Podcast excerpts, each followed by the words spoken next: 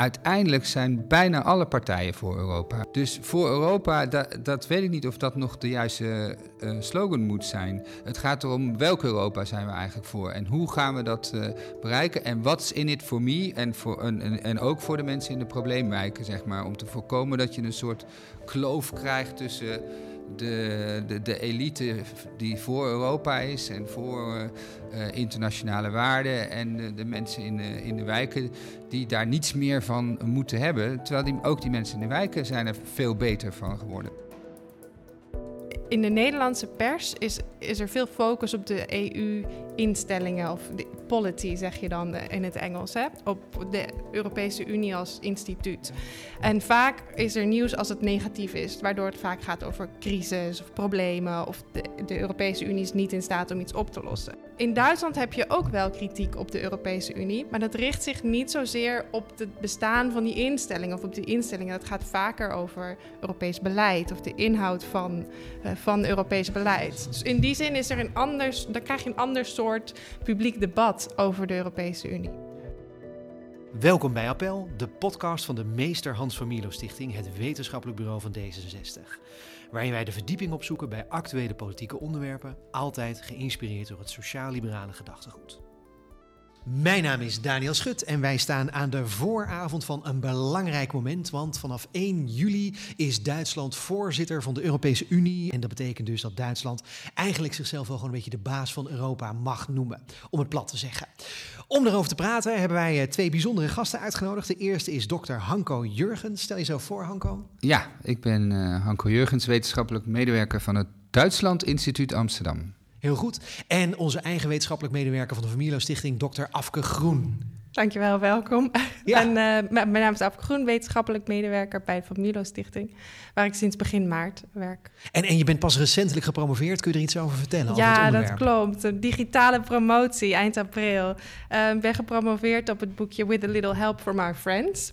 Um, naar het liedje. En het gaat over de informele contacten van nationale partijen in, in de Europese Unie. Ik heb onderzoek gedaan naar de Duitse, drie Duitse politieke partijen.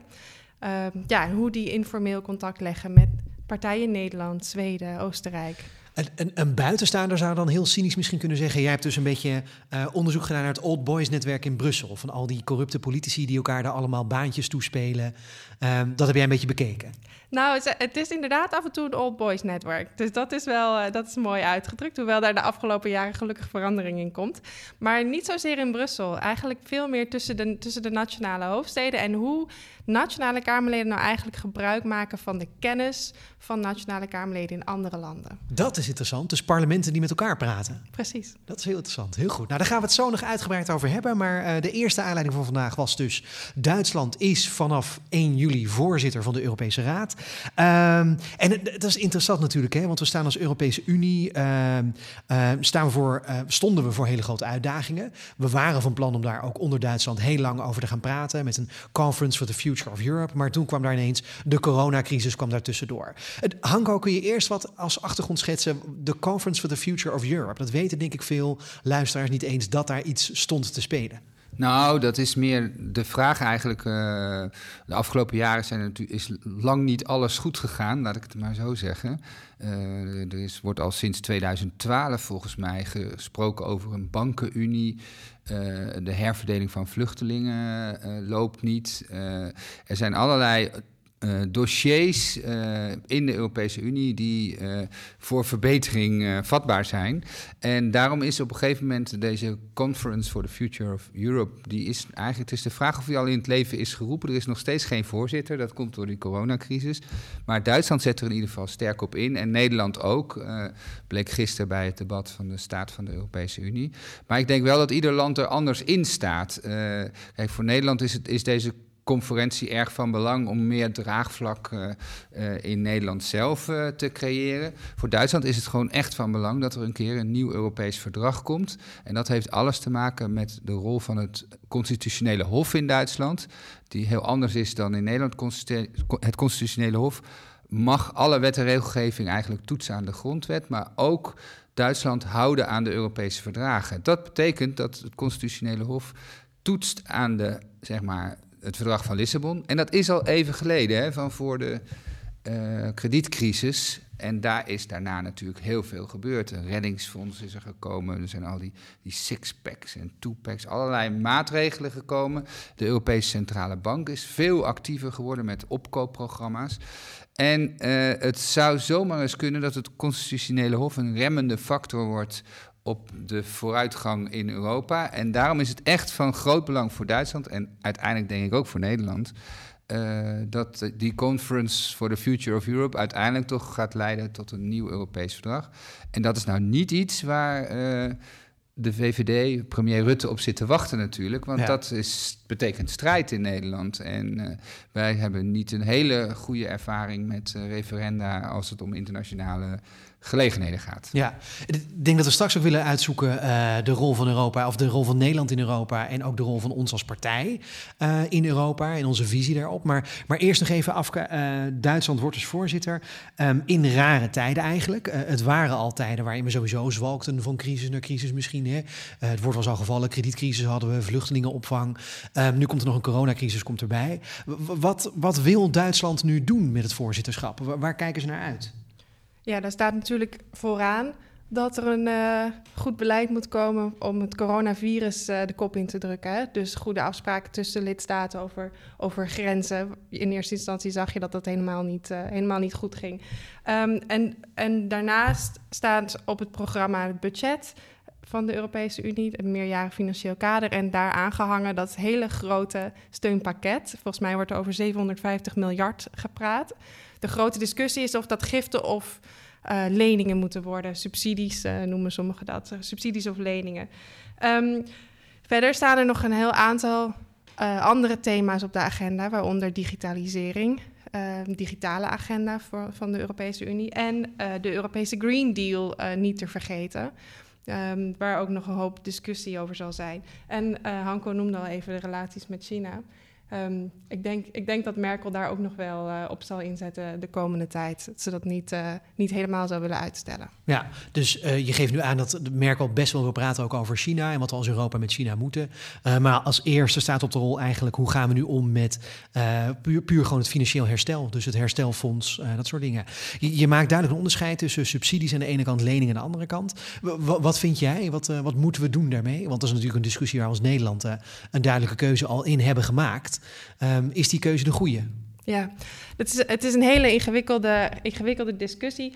Um, voor mij staat wel voorop dat je, dat je goed moet begrijpen dat er nu een hele grote imbalans is in de Europese Unie. Als het gaat om nationale steunfondsen. Nederland gooit enorm veel geld in de economie. Duitsland doet hetzelfde. Echt, dat gaat om honderden miljarden. En die hebben nog aangekondigd dat er een extra fonds komt aan het eind van het jaar. De zuidelijke lidstaten zijn daar niet in staat om hetzelfde te doen. En wat er dan eigenlijk gebeurt, is dat je ook een imbalans krijgt in de interne markt.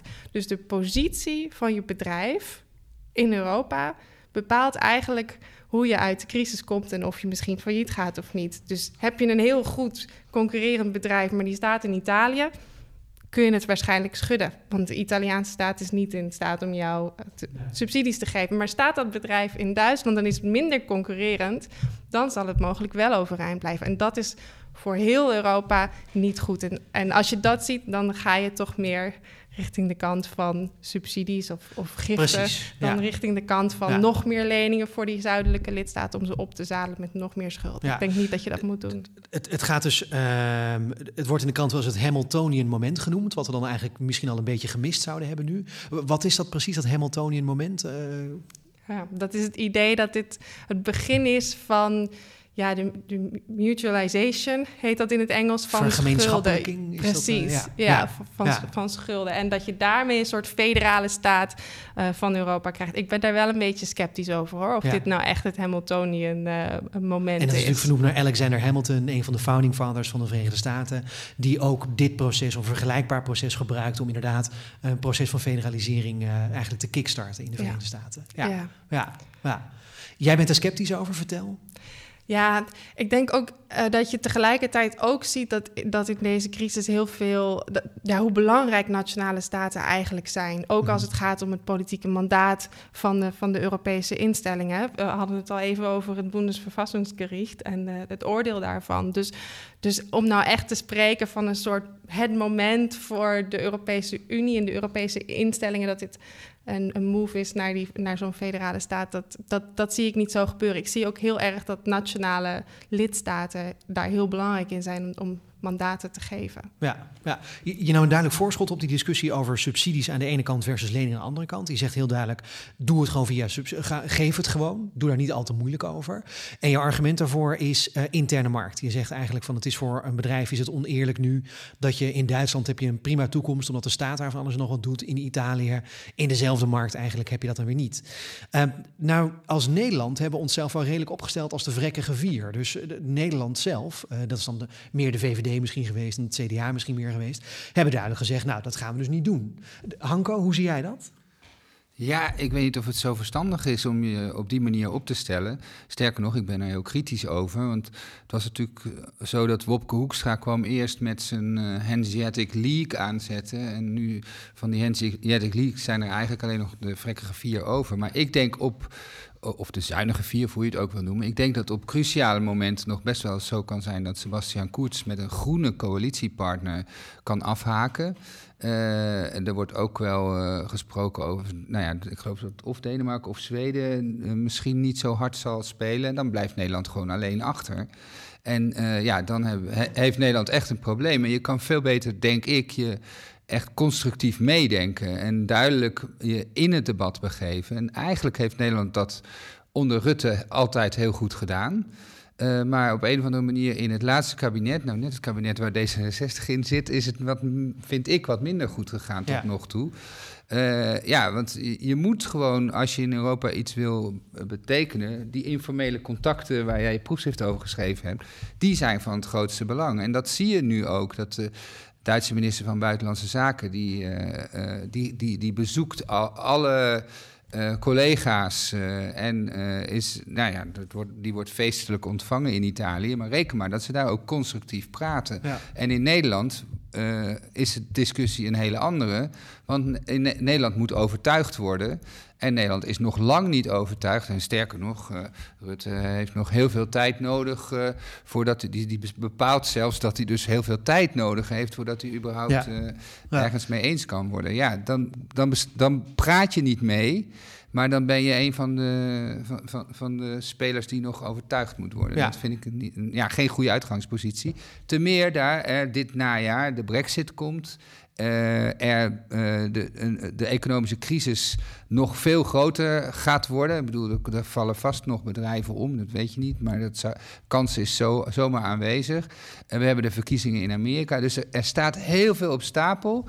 En dan zou het zomaar kunnen zijn dat als Nederland nog steeds zeg maar, zit te mokken, dat we eigenlijk helemaal niet meepraten. Ja. Terwijl we juist maar, aan tafel moeten zitten. Je, we zitten natuurlijk wel aan tafel, maar... Je, je, je zegt ook... nu, we, we, moeten ervoor zorgen dat wij wel mee blijven praten aan tafel. Ja. Uh, maar er zijn ook politieke partijen in Nederland en ook voldoende stemmen in Nederland die zeggen waarom moet je dat eigenlijk willen? Is het dan niet gewoon veel te duur en levert het wel voldoende op nu, de Europese Unie? Ja, maar dat is natuurlijk een onzindiscussie. Want uh, de, als er één land is waar de Europese Unie veel oplevert, is het Nederland en Duitsland. Wij zijn niet voor niets netto betalers. Dat komt omdat we natuurlijk gewoon grote winsten maken en een enorm handelsoverschot hebben. Maar, nee, maar, en dat, moeten we, dat, dat, is wordt dat, veel, dat wordt veel te weinig duidelijk gemaakt, vind ik, in okay. Nederland. Maar, uh, dus het draagvlak voor de Europese Unie uh, daar zou ook D66 denk ik heel veel meer aan kunnen doen. Om dat duidelijk te maken hoeveel wij, de mensen in, in, in de wijken, zeg maar, ja. aan die Europese Unie hebben. Wat, wat, en, en, en in feite is het voor Nederland een enorm verdienmodel.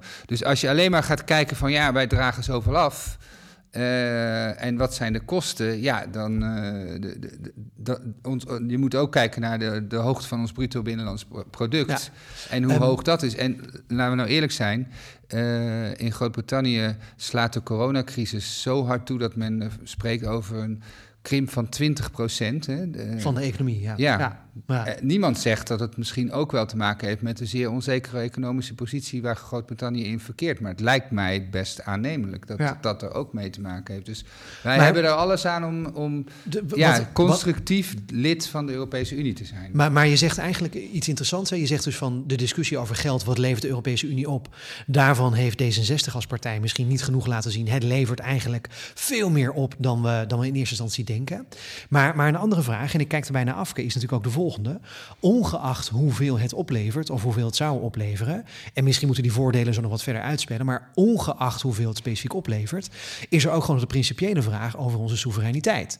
Ehm, zou je ook niet kunnen zeggen dat onze soevereiniteit zo belangrijk is ehm, dat, nou ja, dan is het maar gewoon duurder om uit de Europese Unie te stappen. En dan gaat het ons maar geld kosten en dan mhm. gaat de economie maar achteruit om uit de Europese Unie te stappen. Dan hebben we wel die soevereiniteit hebben we terug. Dan hebben we wel take back our country, zoals het in Brexit-termen gezegd is. Is die soevereiniteit ook niet wat waard? Ja, dat, dat, woord soevereiniteit heeft de afgelopen jaren bijna een soort negatieve betekenis gekregen. Soevereiniteit is dat een ander niet bepaalt wat, wat ik kan doen. Maar in essentie is soevereiniteit, gaat het eigenlijk over vrijheid. Is dat een positief begrip? Hè? De mogelijkheid om in vrijheid, om keuzes te maken. Daar heb je de Europese Unie voor nodig. Voor, voor de vrijheid om zulke keuzes te maken. Nou, bijvoorbeeld als we het hebben over klimaat. Hè, als Nederland alleen zijn we niet vrij om daar beleid op te maken. Want er zijn nou eenmaal heel veel invloeden die gewoon over de grens gaan.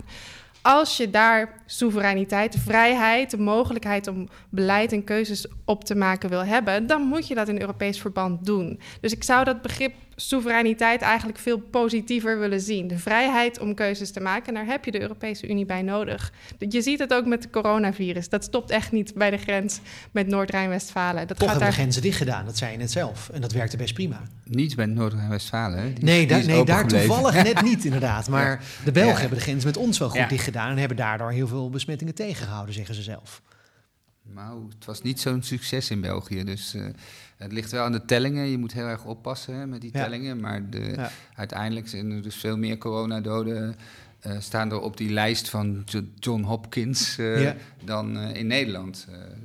dus wij hebben het uiteindelijk relatief goed gedaan. Ja, ja, dat is. Ja. Hey, dit, dit, dat is even de innerlijke euroscepticus in mij die ik even losliet. Hè, over de vraag van moeten we überhaupt wel willen samenwerken als, met Europa? Ja of nee? Ja? Soevereiniteit. Want in Duitsland wordt er anders eigenlijk over gedacht. Er wordt heel nadrukkelijk gezegd van Duitse, Europese belangen en Duitse belangen. Dat zijn twee zijden van dezelfde medaille.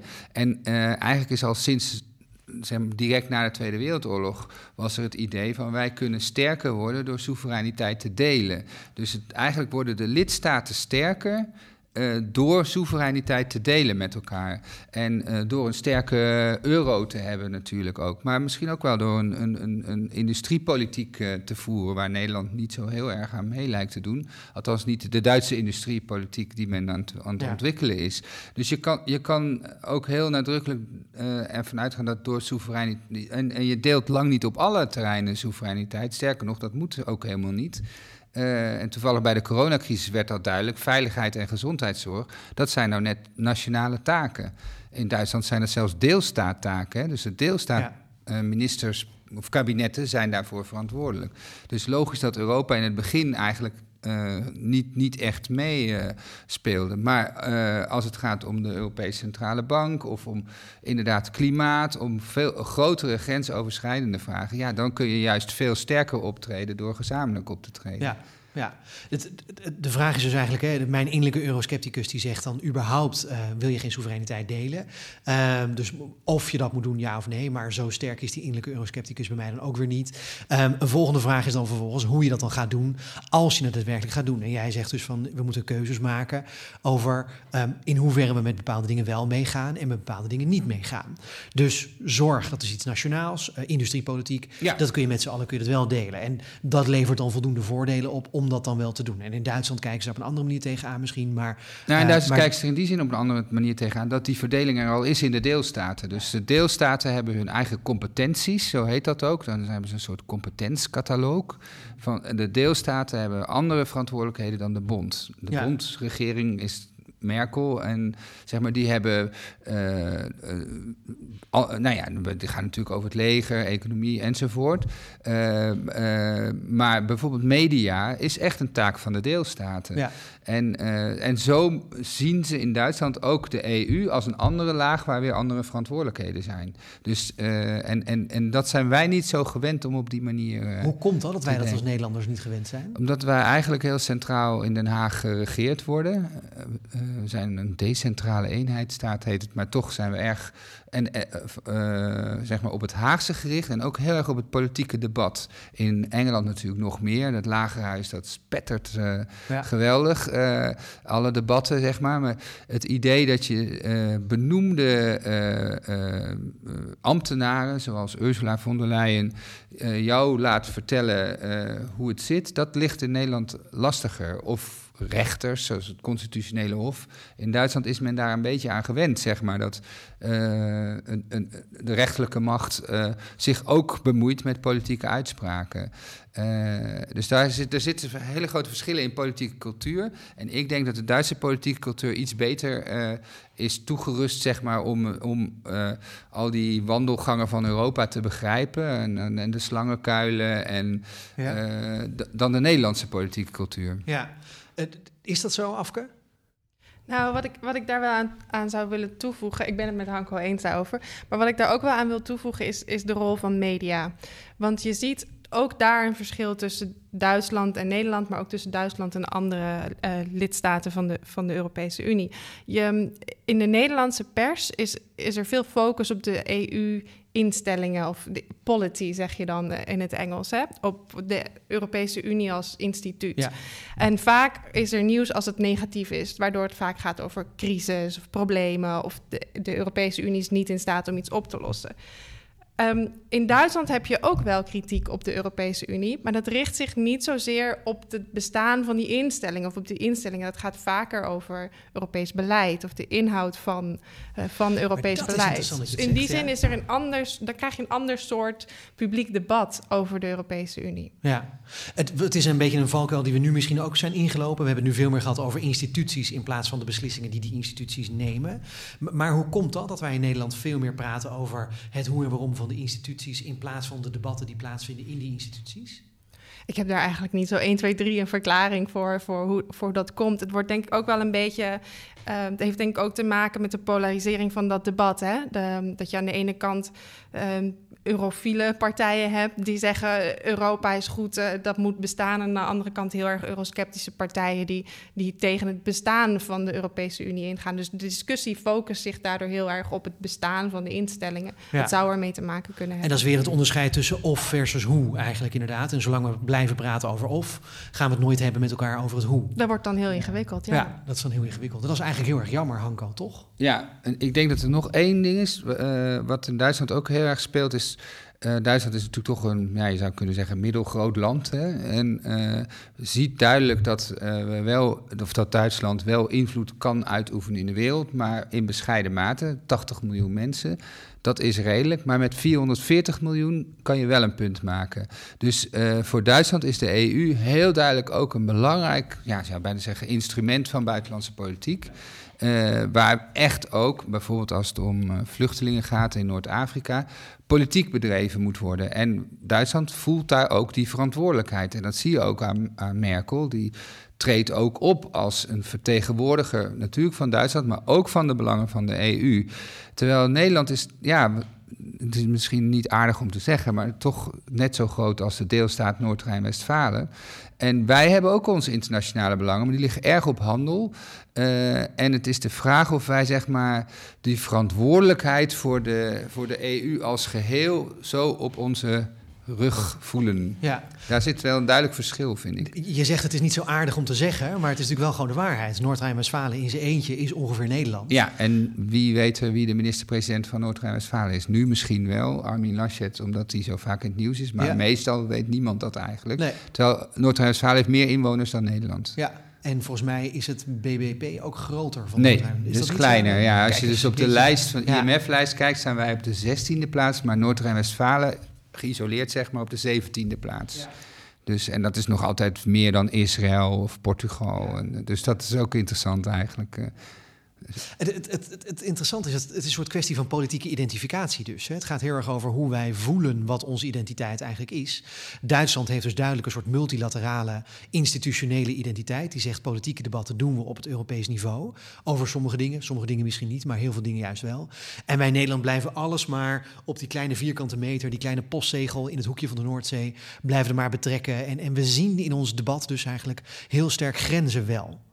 Ja, ik heb zelf ook het gevoel dat Nederland een beetje op zoek moet naar een nieuwe geopolitieke oriëntatie. Want als je dus uh, Rutte hoorde, dan zei hij eigenlijk: we zitten in die driehoek hè, tussen Frankrijk, Duitsland en Groot-Brittannië. En dat is een ideale, ook geopolitiek gezien, een ideale plek.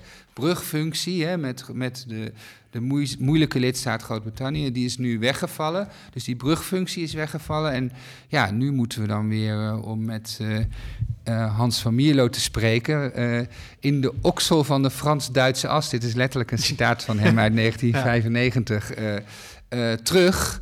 En dat is de vraag of, niet, of iedereen dat eigenlijk wel wil. En met name de VVD is eigenlijk toch natuurlijk heel erg op de Anglo-Saxische cultuur gericht. Maar ja, wat moeten we met uh, Johnson en Trump uh, als, als bondgenoten? Dus er, er, ja, er moet eigenlijk een nieuwe oriëntatie gevonden worden. Die ja, kritisch is over Europa, dat zie je, want anders kunnen we onze bevolking niet meekrijgen, maar die toch ook duidelijk maakt dat we er deel van uitmaken en dat het ons Europa is en, en dat we er ook uh, zaken in veranderen. Want het is ook zo, Nederland heeft, heeft echt invloed in de EU. En ook dat wordt niet altijd duidelijk gemaakt. Ja. Eh. Is, is dat zo, Afke? Dat is onder andere jouw promotie geweest. Maar de, vertel, hebben wij invloed en wat voor invloed dan? Absoluut, absoluut. Dat, dat kun je bijvoorbeeld ook, uh, ook, ook zien een poosje geleden was er ineens een Europese alliantie voor een vaccin tussen uh, Nederland en de grote Duitsland, Frankrijk, Italië. Toen kon het ineens wel. En dat was al, dat was al na de discussies over... Uh, nou ja, Wopke Hoekstra die uh, had benadrukt... dat er toch echt eerst huishoudboekjes op orde moesten komen. Dus het kan, het kan wel. En um, ik, ik ben er ook wel van overtuigd dat die... Uh, de, um, ja, ministers, ambtenaren elkaar daar zeker nog, zeker nog wel kunnen vinden. Um, ja, dan moet, je, dan, dan moet je inderdaad wel uh, die informele contacten blijven leggen. Dan moet je op bezoek gaan, de informele bezoekjes afleggen, telefoontjes plegen. dat moet je wel blijven doen. Maar ik, ik ben er wel van overtuigd dat dat, dat, dat dat dat nog wel kan. Dat ja, en dat dat ook ja. gebeurt ja, natuurlijk. Macron precies. is vorige week hier op bezoek geweest. Dus precies, nog voordat hij naar Merkel ging. Ja, ja, ja was toch wel handig. Lag, uh, Nederland lag op uh, weg naar Berlijn. Hij nam de trein en het was, uh, hij kwam in de buurt. ja. nou, het, het, het, is wel interessant, hè? want um, we blijven dus nu nog steeds heel veel praten over um, die Europese samenwerking op het institutionele niveau. En de vraag blijft dus ook inderdaad van wat voor invloed hebben we dan eigenlijk wel of, wel of niet precies. Denk je ook trouwens, Afke, dat wij misschien in de afgelopen 20, 30 jaar um, informeel ook heel veel kansen hebben laten liggen als het gaat over invloed? Nou, dat, dat denk ik niet. Um, kijk, ik, ik heb natuurlijk in mijn, in mijn promotieonderzoek heb ik vooral gekeken naar, naar Kamerleden ja. en die, die internationale contacten leggen. En dan zie je ook dat Nederlandse Kamerleden dat goed kunnen. Uh, Pieter Omtzigt, Renske Leijten zijn daar ook veel en vaak mee bezig. Um, en ook voor de Duitse Kamerleden die ik daarover gesproken heb, waren de Nederlandse Kamerleden heel vaak belangrijk. Um, wat je wel ziet, is dat er weinig of minder interesse is bij nieuwe Kamerleden om dat soort uh, verba verbanden te leggen. Dat kost ook altijd tijd. Ja. Uh, maar, maar zeker als je wat meer eurosceptische Kamerleden krijgt, die misschien die vinden dat niet zo interessant, daar kunnen ze niet mee scoren, dan, dan, uh, dan is dat wat moeilijker. Maar ja, Nederlanders spelen er zeker nog een heel belangrijke rol in die, in die informele ja. contacten. Wat voor reputatie heeft Nederland dan in Brussel? Gewoon specifiek daar? In, in Brussel? Ja. Nou ja, op dit moment, ik, ik, het schiet me even te binnen dat er een, uh, er was een debat ook in de, in de Bondsdag waar, uh, waar Schulz, Martin Schulz, die noemde de Nederlanders uh, rijkdomsseparatisten. Nou, dat, dat zegt denk ik wel genoeg over de, over de Nederlandse reputatie. Ik geloof dat alleen de, de FDP, de liberalen, het voor de Nederlanders opnamen. Ja. Dus nou ja, die, die reputatie is op het moment uh, in, in niet zo heel goed. Ja. Ook als je daar Kamerleden, Europese Kamerleden over spreekt, dan ja. worden zij daarop aangesproken. Vanuit en, en met zo'n reputatie is het natuurlijk wel moeilijk invloed te houden, eigenlijk. Maar als ik zo vrij mag zijn, uh, even over de invloed. Hè. Tijdens de kredietcrisis, het, uh, het voorstel om het IMF te te betrekken bij de oplossingen voor Griekenland kwam van, kwam van Balkenende. Het voorstel om een begrotingstsaar, zeg maar, een uh, commissaris uh, specifiek voor die, die de begrotingen van de verschillende lidstaten zou controleren, kwam van, van Rutte. Um, we hebben, dus is van alles gesproken over de, hoe de EU-Turkije vluchtelingendeal tot stand gekomen is. Maar het is zeker zo dat Diederik Samson daar invloed op gehad heeft. En dat uh, Rutte daar absoluut bij aanwezig was toen de deal uh, gesloten werd, omdat wij toen net voorzitter van de EU waren. Uh, de, de invloed van Jeroen Dijsselbloem en van Frans Timmermans, hè, de, die, die is ook echt met een programma binnengehaald. Dus het is echt niet zo dat Nederland daar helemaal geen invloed heeft. Sterker nog, Nederland heeft daar volgens mij heel veel invloed. Alleen, hoe maak je dat duidelijk aan de Nederlandse burger? Ja. De, van, van, what's in it for me? Dat is natuurlijk een beetje de vraag. Want dat het IMF uh, dankzij Balkenende uh, betrokken is bij de schuldhulpverlening van Griekenland. Nou, A, weet niemand het. En B, is het ook nog geen reden om daarna op, ja. op het CDA te gaan stemmen. Hoe gives a damn, is inderdaad de vraag. Ja, ja. ja, ja. Who cares? Het, het, precies, ja. Het interessante is dus wel, wat we, wat we tot nu toe al besproken hebben... is wel dat Duitsland dus een hele andere houding heeft... ten opzichte van de EU en ten opzichte van het idee van samenwerking... dan dat Nederland het überhaupt al heeft. Dus dat is denk ik misschien een ding wat wij al goed kunnen leren van Duitsland. Um, maar, maar laten we eens gaan kijken naar wat meer inhoudelijke dossiers ook. Hè? Want, we, het komt al wat vaker naar boven in deze discussie. Wij als partij, wij profileren onszelf heel erg als de, pro-Europa-partij. Um, maar de vraag die jij nu ook weer stelt... en de vraag die Afken ook al een paar keer eigenlijk hardop zei was... Um, maar wat is dat dan precies voor Europa zijn? Wat, wat zijn de voordelen dan? En welke dossiers spelen er waarin Europa een rol zou kunnen spelen? Je noemde het een lijstje. Je had het dus net over die giften leningen voor het herstelfonds. Dat moeten volgens jou giften zijn, geen leningen. Um, maar er waren nog wat andere dingen die je noemde. Digitaal aan de ene kant, uh, de Green Deal aan de andere kant, uh, China daarbij ook. Um, giften en leningen. Giften en leningen, ja. ja, ja, ja. Sorry, ja, ja, ja, vertel, ja, vertel. Ja, ik denk dat je wel moet gaan voor, voor een combinatie van beide. Dat is nu ook het voorstel. Hè? 500 miljard geloof ik aan giften, subsidies en 250 aan, uh, aan leningen. Ik denk dat je nog gaat zien dat dat gaat verschuiven straks in de onderhandelingen.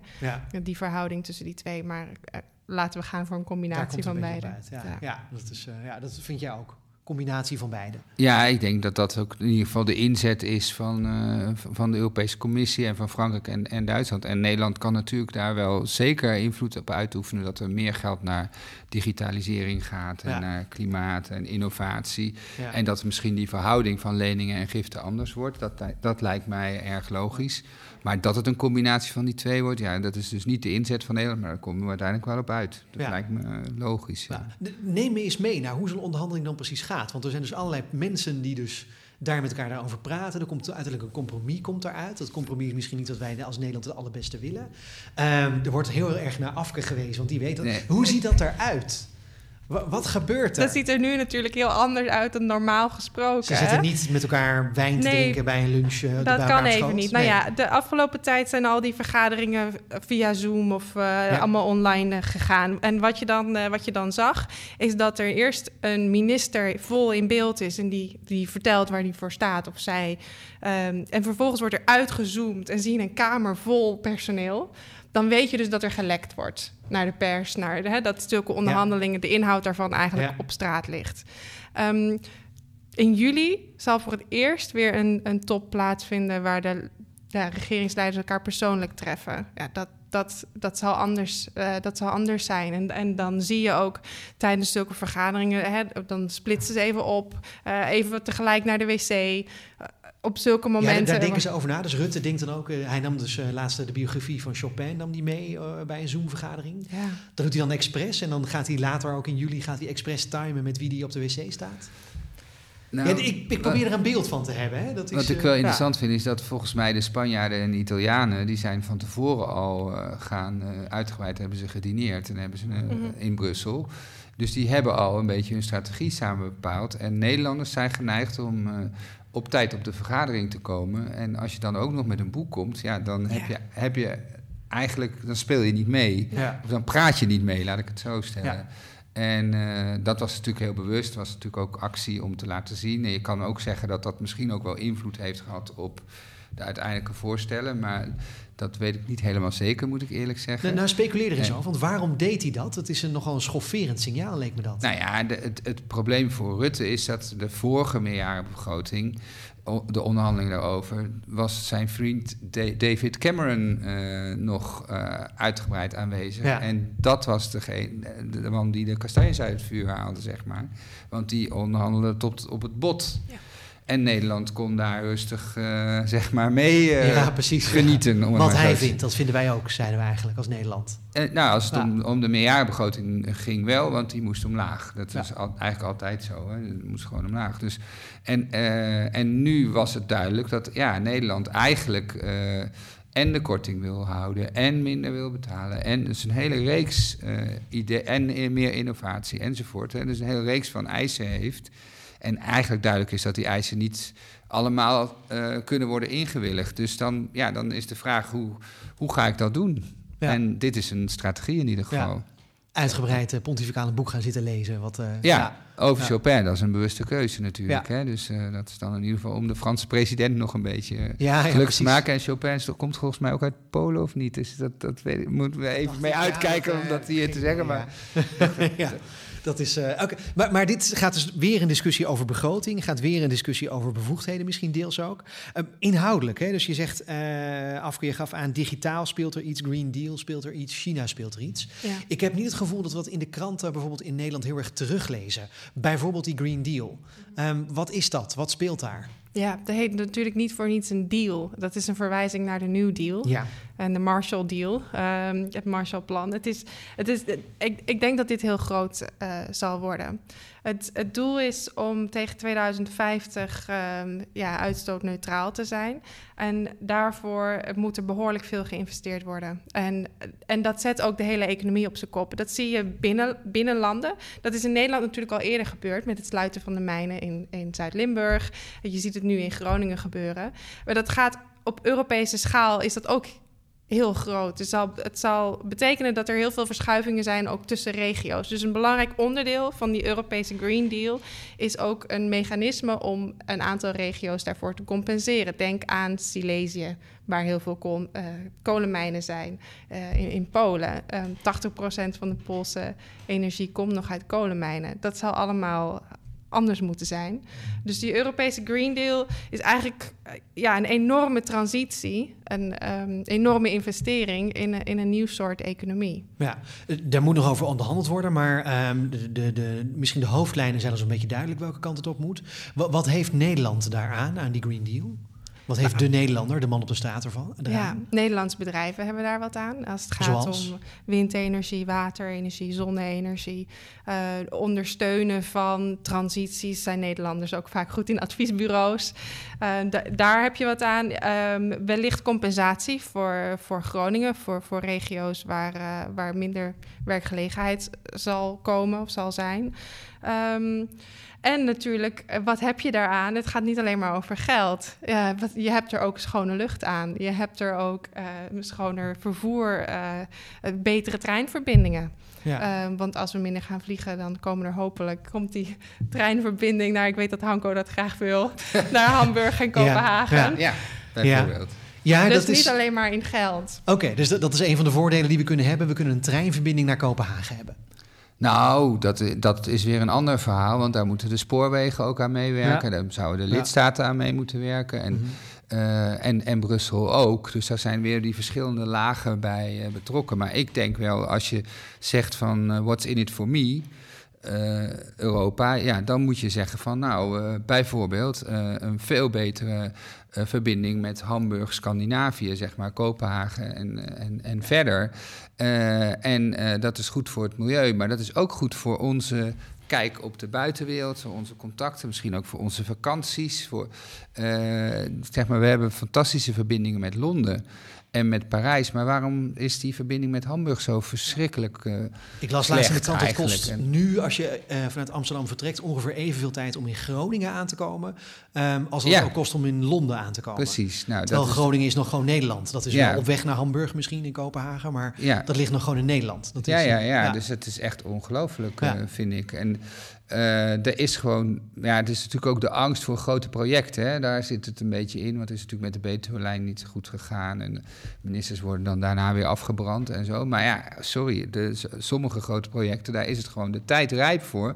En dat is op dit moment uh, het verbeteren van de treinverbindingen met Duitsland in zijn algemeenheid. Hè? Want Berlijn is ook geen goede verbinding. Nee, ja. En uh, Frankfurt gaat redelijk, maar zodra de ICE in Nederland komt, dan wordt meteen het tempo flink teruggeschroefd het is een eh, boemeltreintje gelijk, hè? Dat is, je gaat de grens over, je komt Nederland in, dan is het een boemeltreintje. Ja, dat is, ja dus Dat, dat vind ik dat uh, ook D66 meer zou kunnen doen. Echt duidelijk zeggen van, dit zijn belangrijke voordelen die wij hebben aan als wij meer uh, ja, een open mind hebben voor, uh, voor internationale zaken, maar zeg maar ook voor de EU enzovoort. Dus hele concrete, concrete doelen, zeg maar. Ik ben, ik ben zelf voor een Europees Monetair Fonds, omdat een Europees Monetair Fonds de, de, veel meer, de euro natuurlijk heel erg versterkt, maar ook van daaruit leningen zou kunnen verschaffen. En misschien zelfs ook als EMF, hè, een soort eurobonds zou kunnen aantrekken, waardoor dus de financiering van, uh, van, van, schulden allemaal via één instelling zou verlopen en we niet al die, al die politieke discussies daarover hebben. Ja. Nou, zo zou je kunnen zeggen van dat is een heel concreet iets, daar gaan wij als partij voor strijden. Ik weet nou niet of dit nou iets is waar de Nederlandse burger warm voor loopt. Maar uh, nou ja, het is wel, ja, uh, ja. wel dat je, ja, je, je, je hoeft niet alleen voor de EU te zijn, maar je, je kunt ook heel nadrukkelijk voor bepaalde zaken in Europa zijn. Of, of zaken die waar, wij, waar wij als Nederlanders ook beter van worden. Zeg ja. Dus ze gaan het gaan hebben over eurobonds. Dan gaan we natuurlijk ook weer hebben over de vraag: moeten we dat überhaupt wel willen en hoe gaan we dat dan precies doen?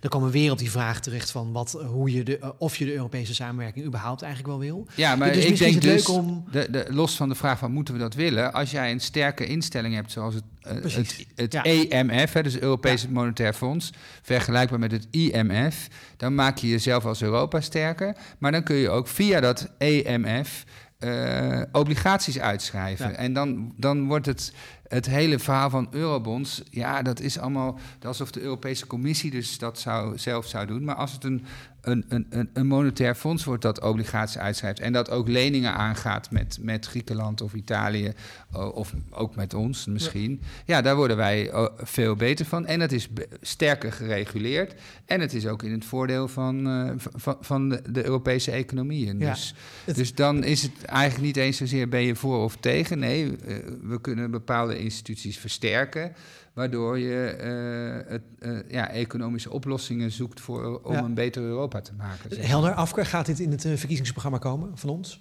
Ja, valt nog te bezien. Hè? Ja. ja. Nou, wat ik, wat ik belangrijk vind aan, aan, aan Hanko's voorstel um, en aan dat soort ideeën van er moet een Europees Monetair Fonds komen. Je, je hoort uh, Frankrijk en Duitsland, zeker Duitsland, die willen graag een Europese Veiligheidsraad. Een beetje zoals de VN-veiligheidsraad. Mm ja. en, en het gewoon hebben over dat soort ideeën. En dan de voor- en nadelen maar afwegen en de dilemma's daarover. Wat levert het op? Wat zou het misschien kosten?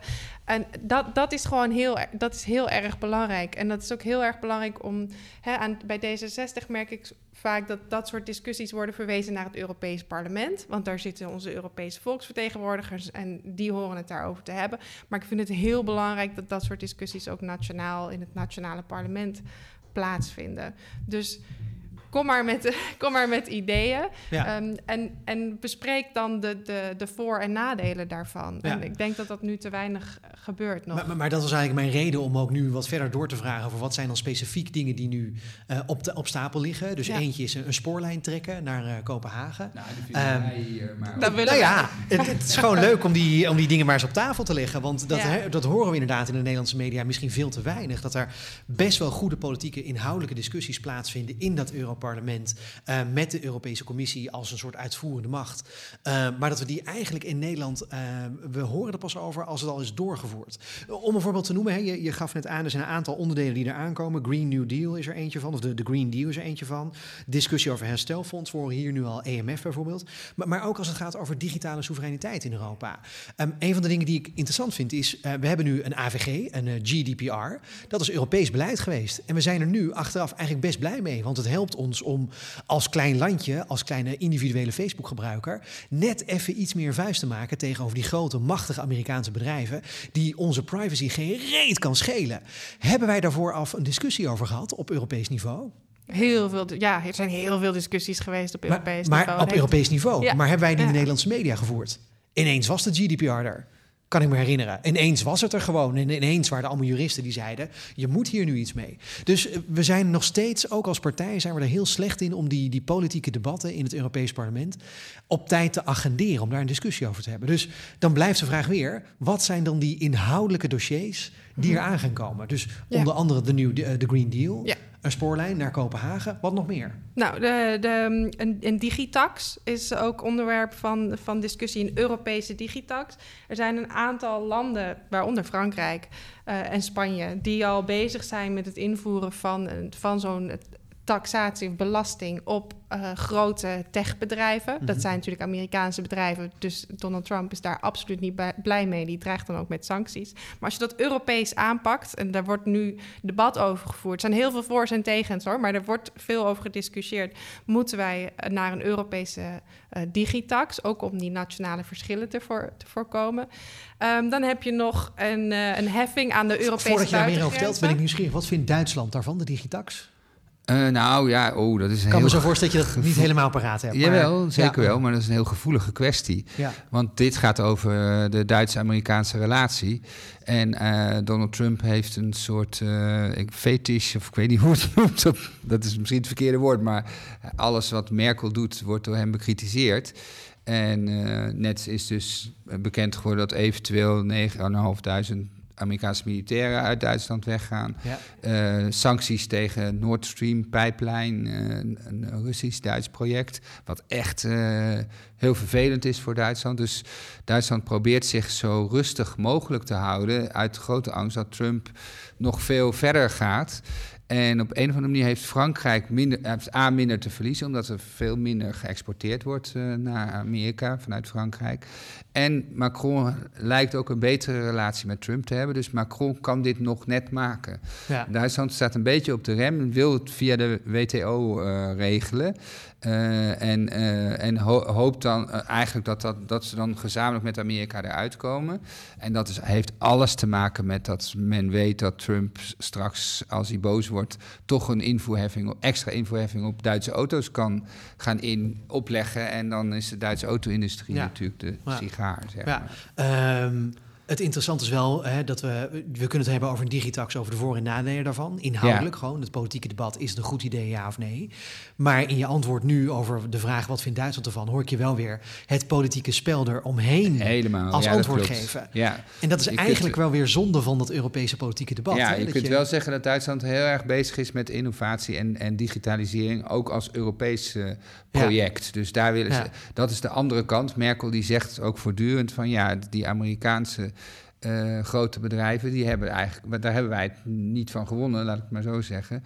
En we moeten denken over Europese varianten of kijken hoe we dat Europese succes weer terug eh, krijgen. Maar dit is, niet, dit is natuurlijk de verdeel- en heerspolitiek van Trump ook. Hè? Dat is natuurlijk, eh, en, en de vraag is hoe Europa zich daartoe toe wil verhouden. Laten we ons uit elkaar spelen of niet? En ik denk dat Duitsland zich daar heel erg bewust van is. En Nederland misschien minder.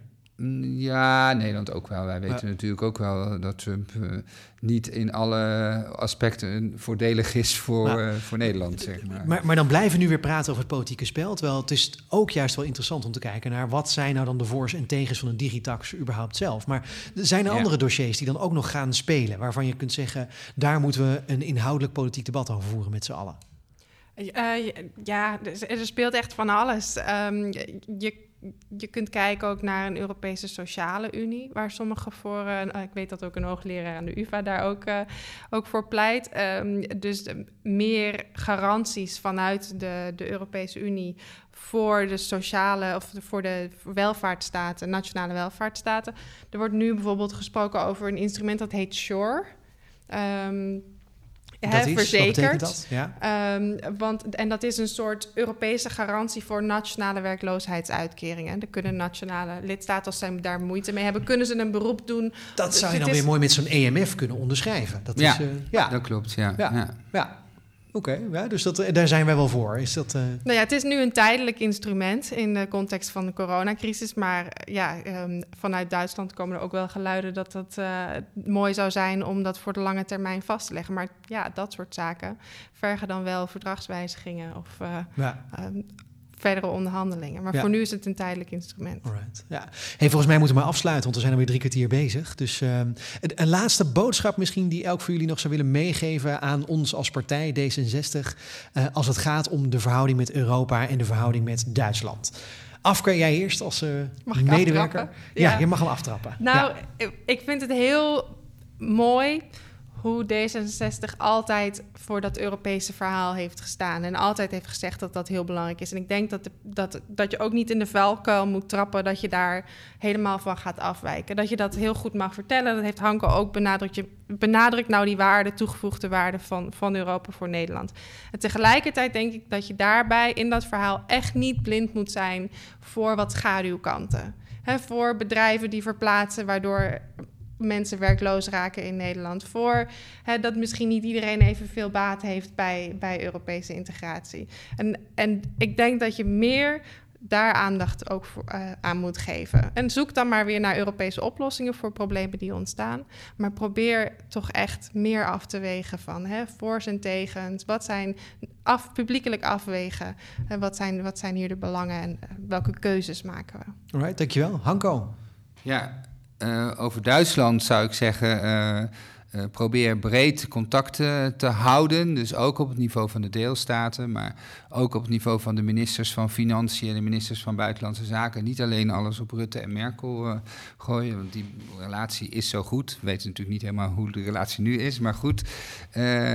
en voor D66 vind ik, kijk, voor Europa uiteindelijk zijn bijna alle partijen voor Europa. Alleen uh, voor. Uh, en misschien de PVV ook niet. Maar uh, dus voor Europa, dat, weet ik niet of dat nog de juiste slogan moet zijn. Het gaat erom welk Europa zijn we eigenlijk voor. En hoe gaan we dat bereiken? En wat is in it for me? En, voor, en, en ook voor de mensen in de probleemwijken, zeg maar. Om te voorkomen dat je een soort kloof krijgt tussen de, de, de elite die voor Europa is en voor uh, internationale waarden en de, de, mensen in de, in de wijken die daar niets meer van moeten hebben. Terwijl die, ook die mensen in de wijken zijn er veel beter van geworden van Europa. En dat moet denk ik heel goed uitgelegd worden. Ja, dus eigenlijk zeggen jullie beiden niet zomaar zeggen voor Europa als partij, maar ook duidelijk maken voor welk Europa, ja. hoe dan en waarom iedere Nederlander daar uiteindelijk voordeel bij heeft. Ja. En daarmee zijn we. Dank jullie wel. Even opnieuw. En daarmee zijn we aan het einde gekomen van deze aflevering van Appel. Bedankt voor het luisteren. Andere afleveringen zijn te vinden op de gebruikelijke podcastkanalen of via onze website van mierlostichting.nl. Heb je vragen, opmerkingen of wil je gewoon graag een keer met ons in contact komen? Ga dan naar onze website, stuur een mail of gewoon een berichtje via Facebook of Twitter.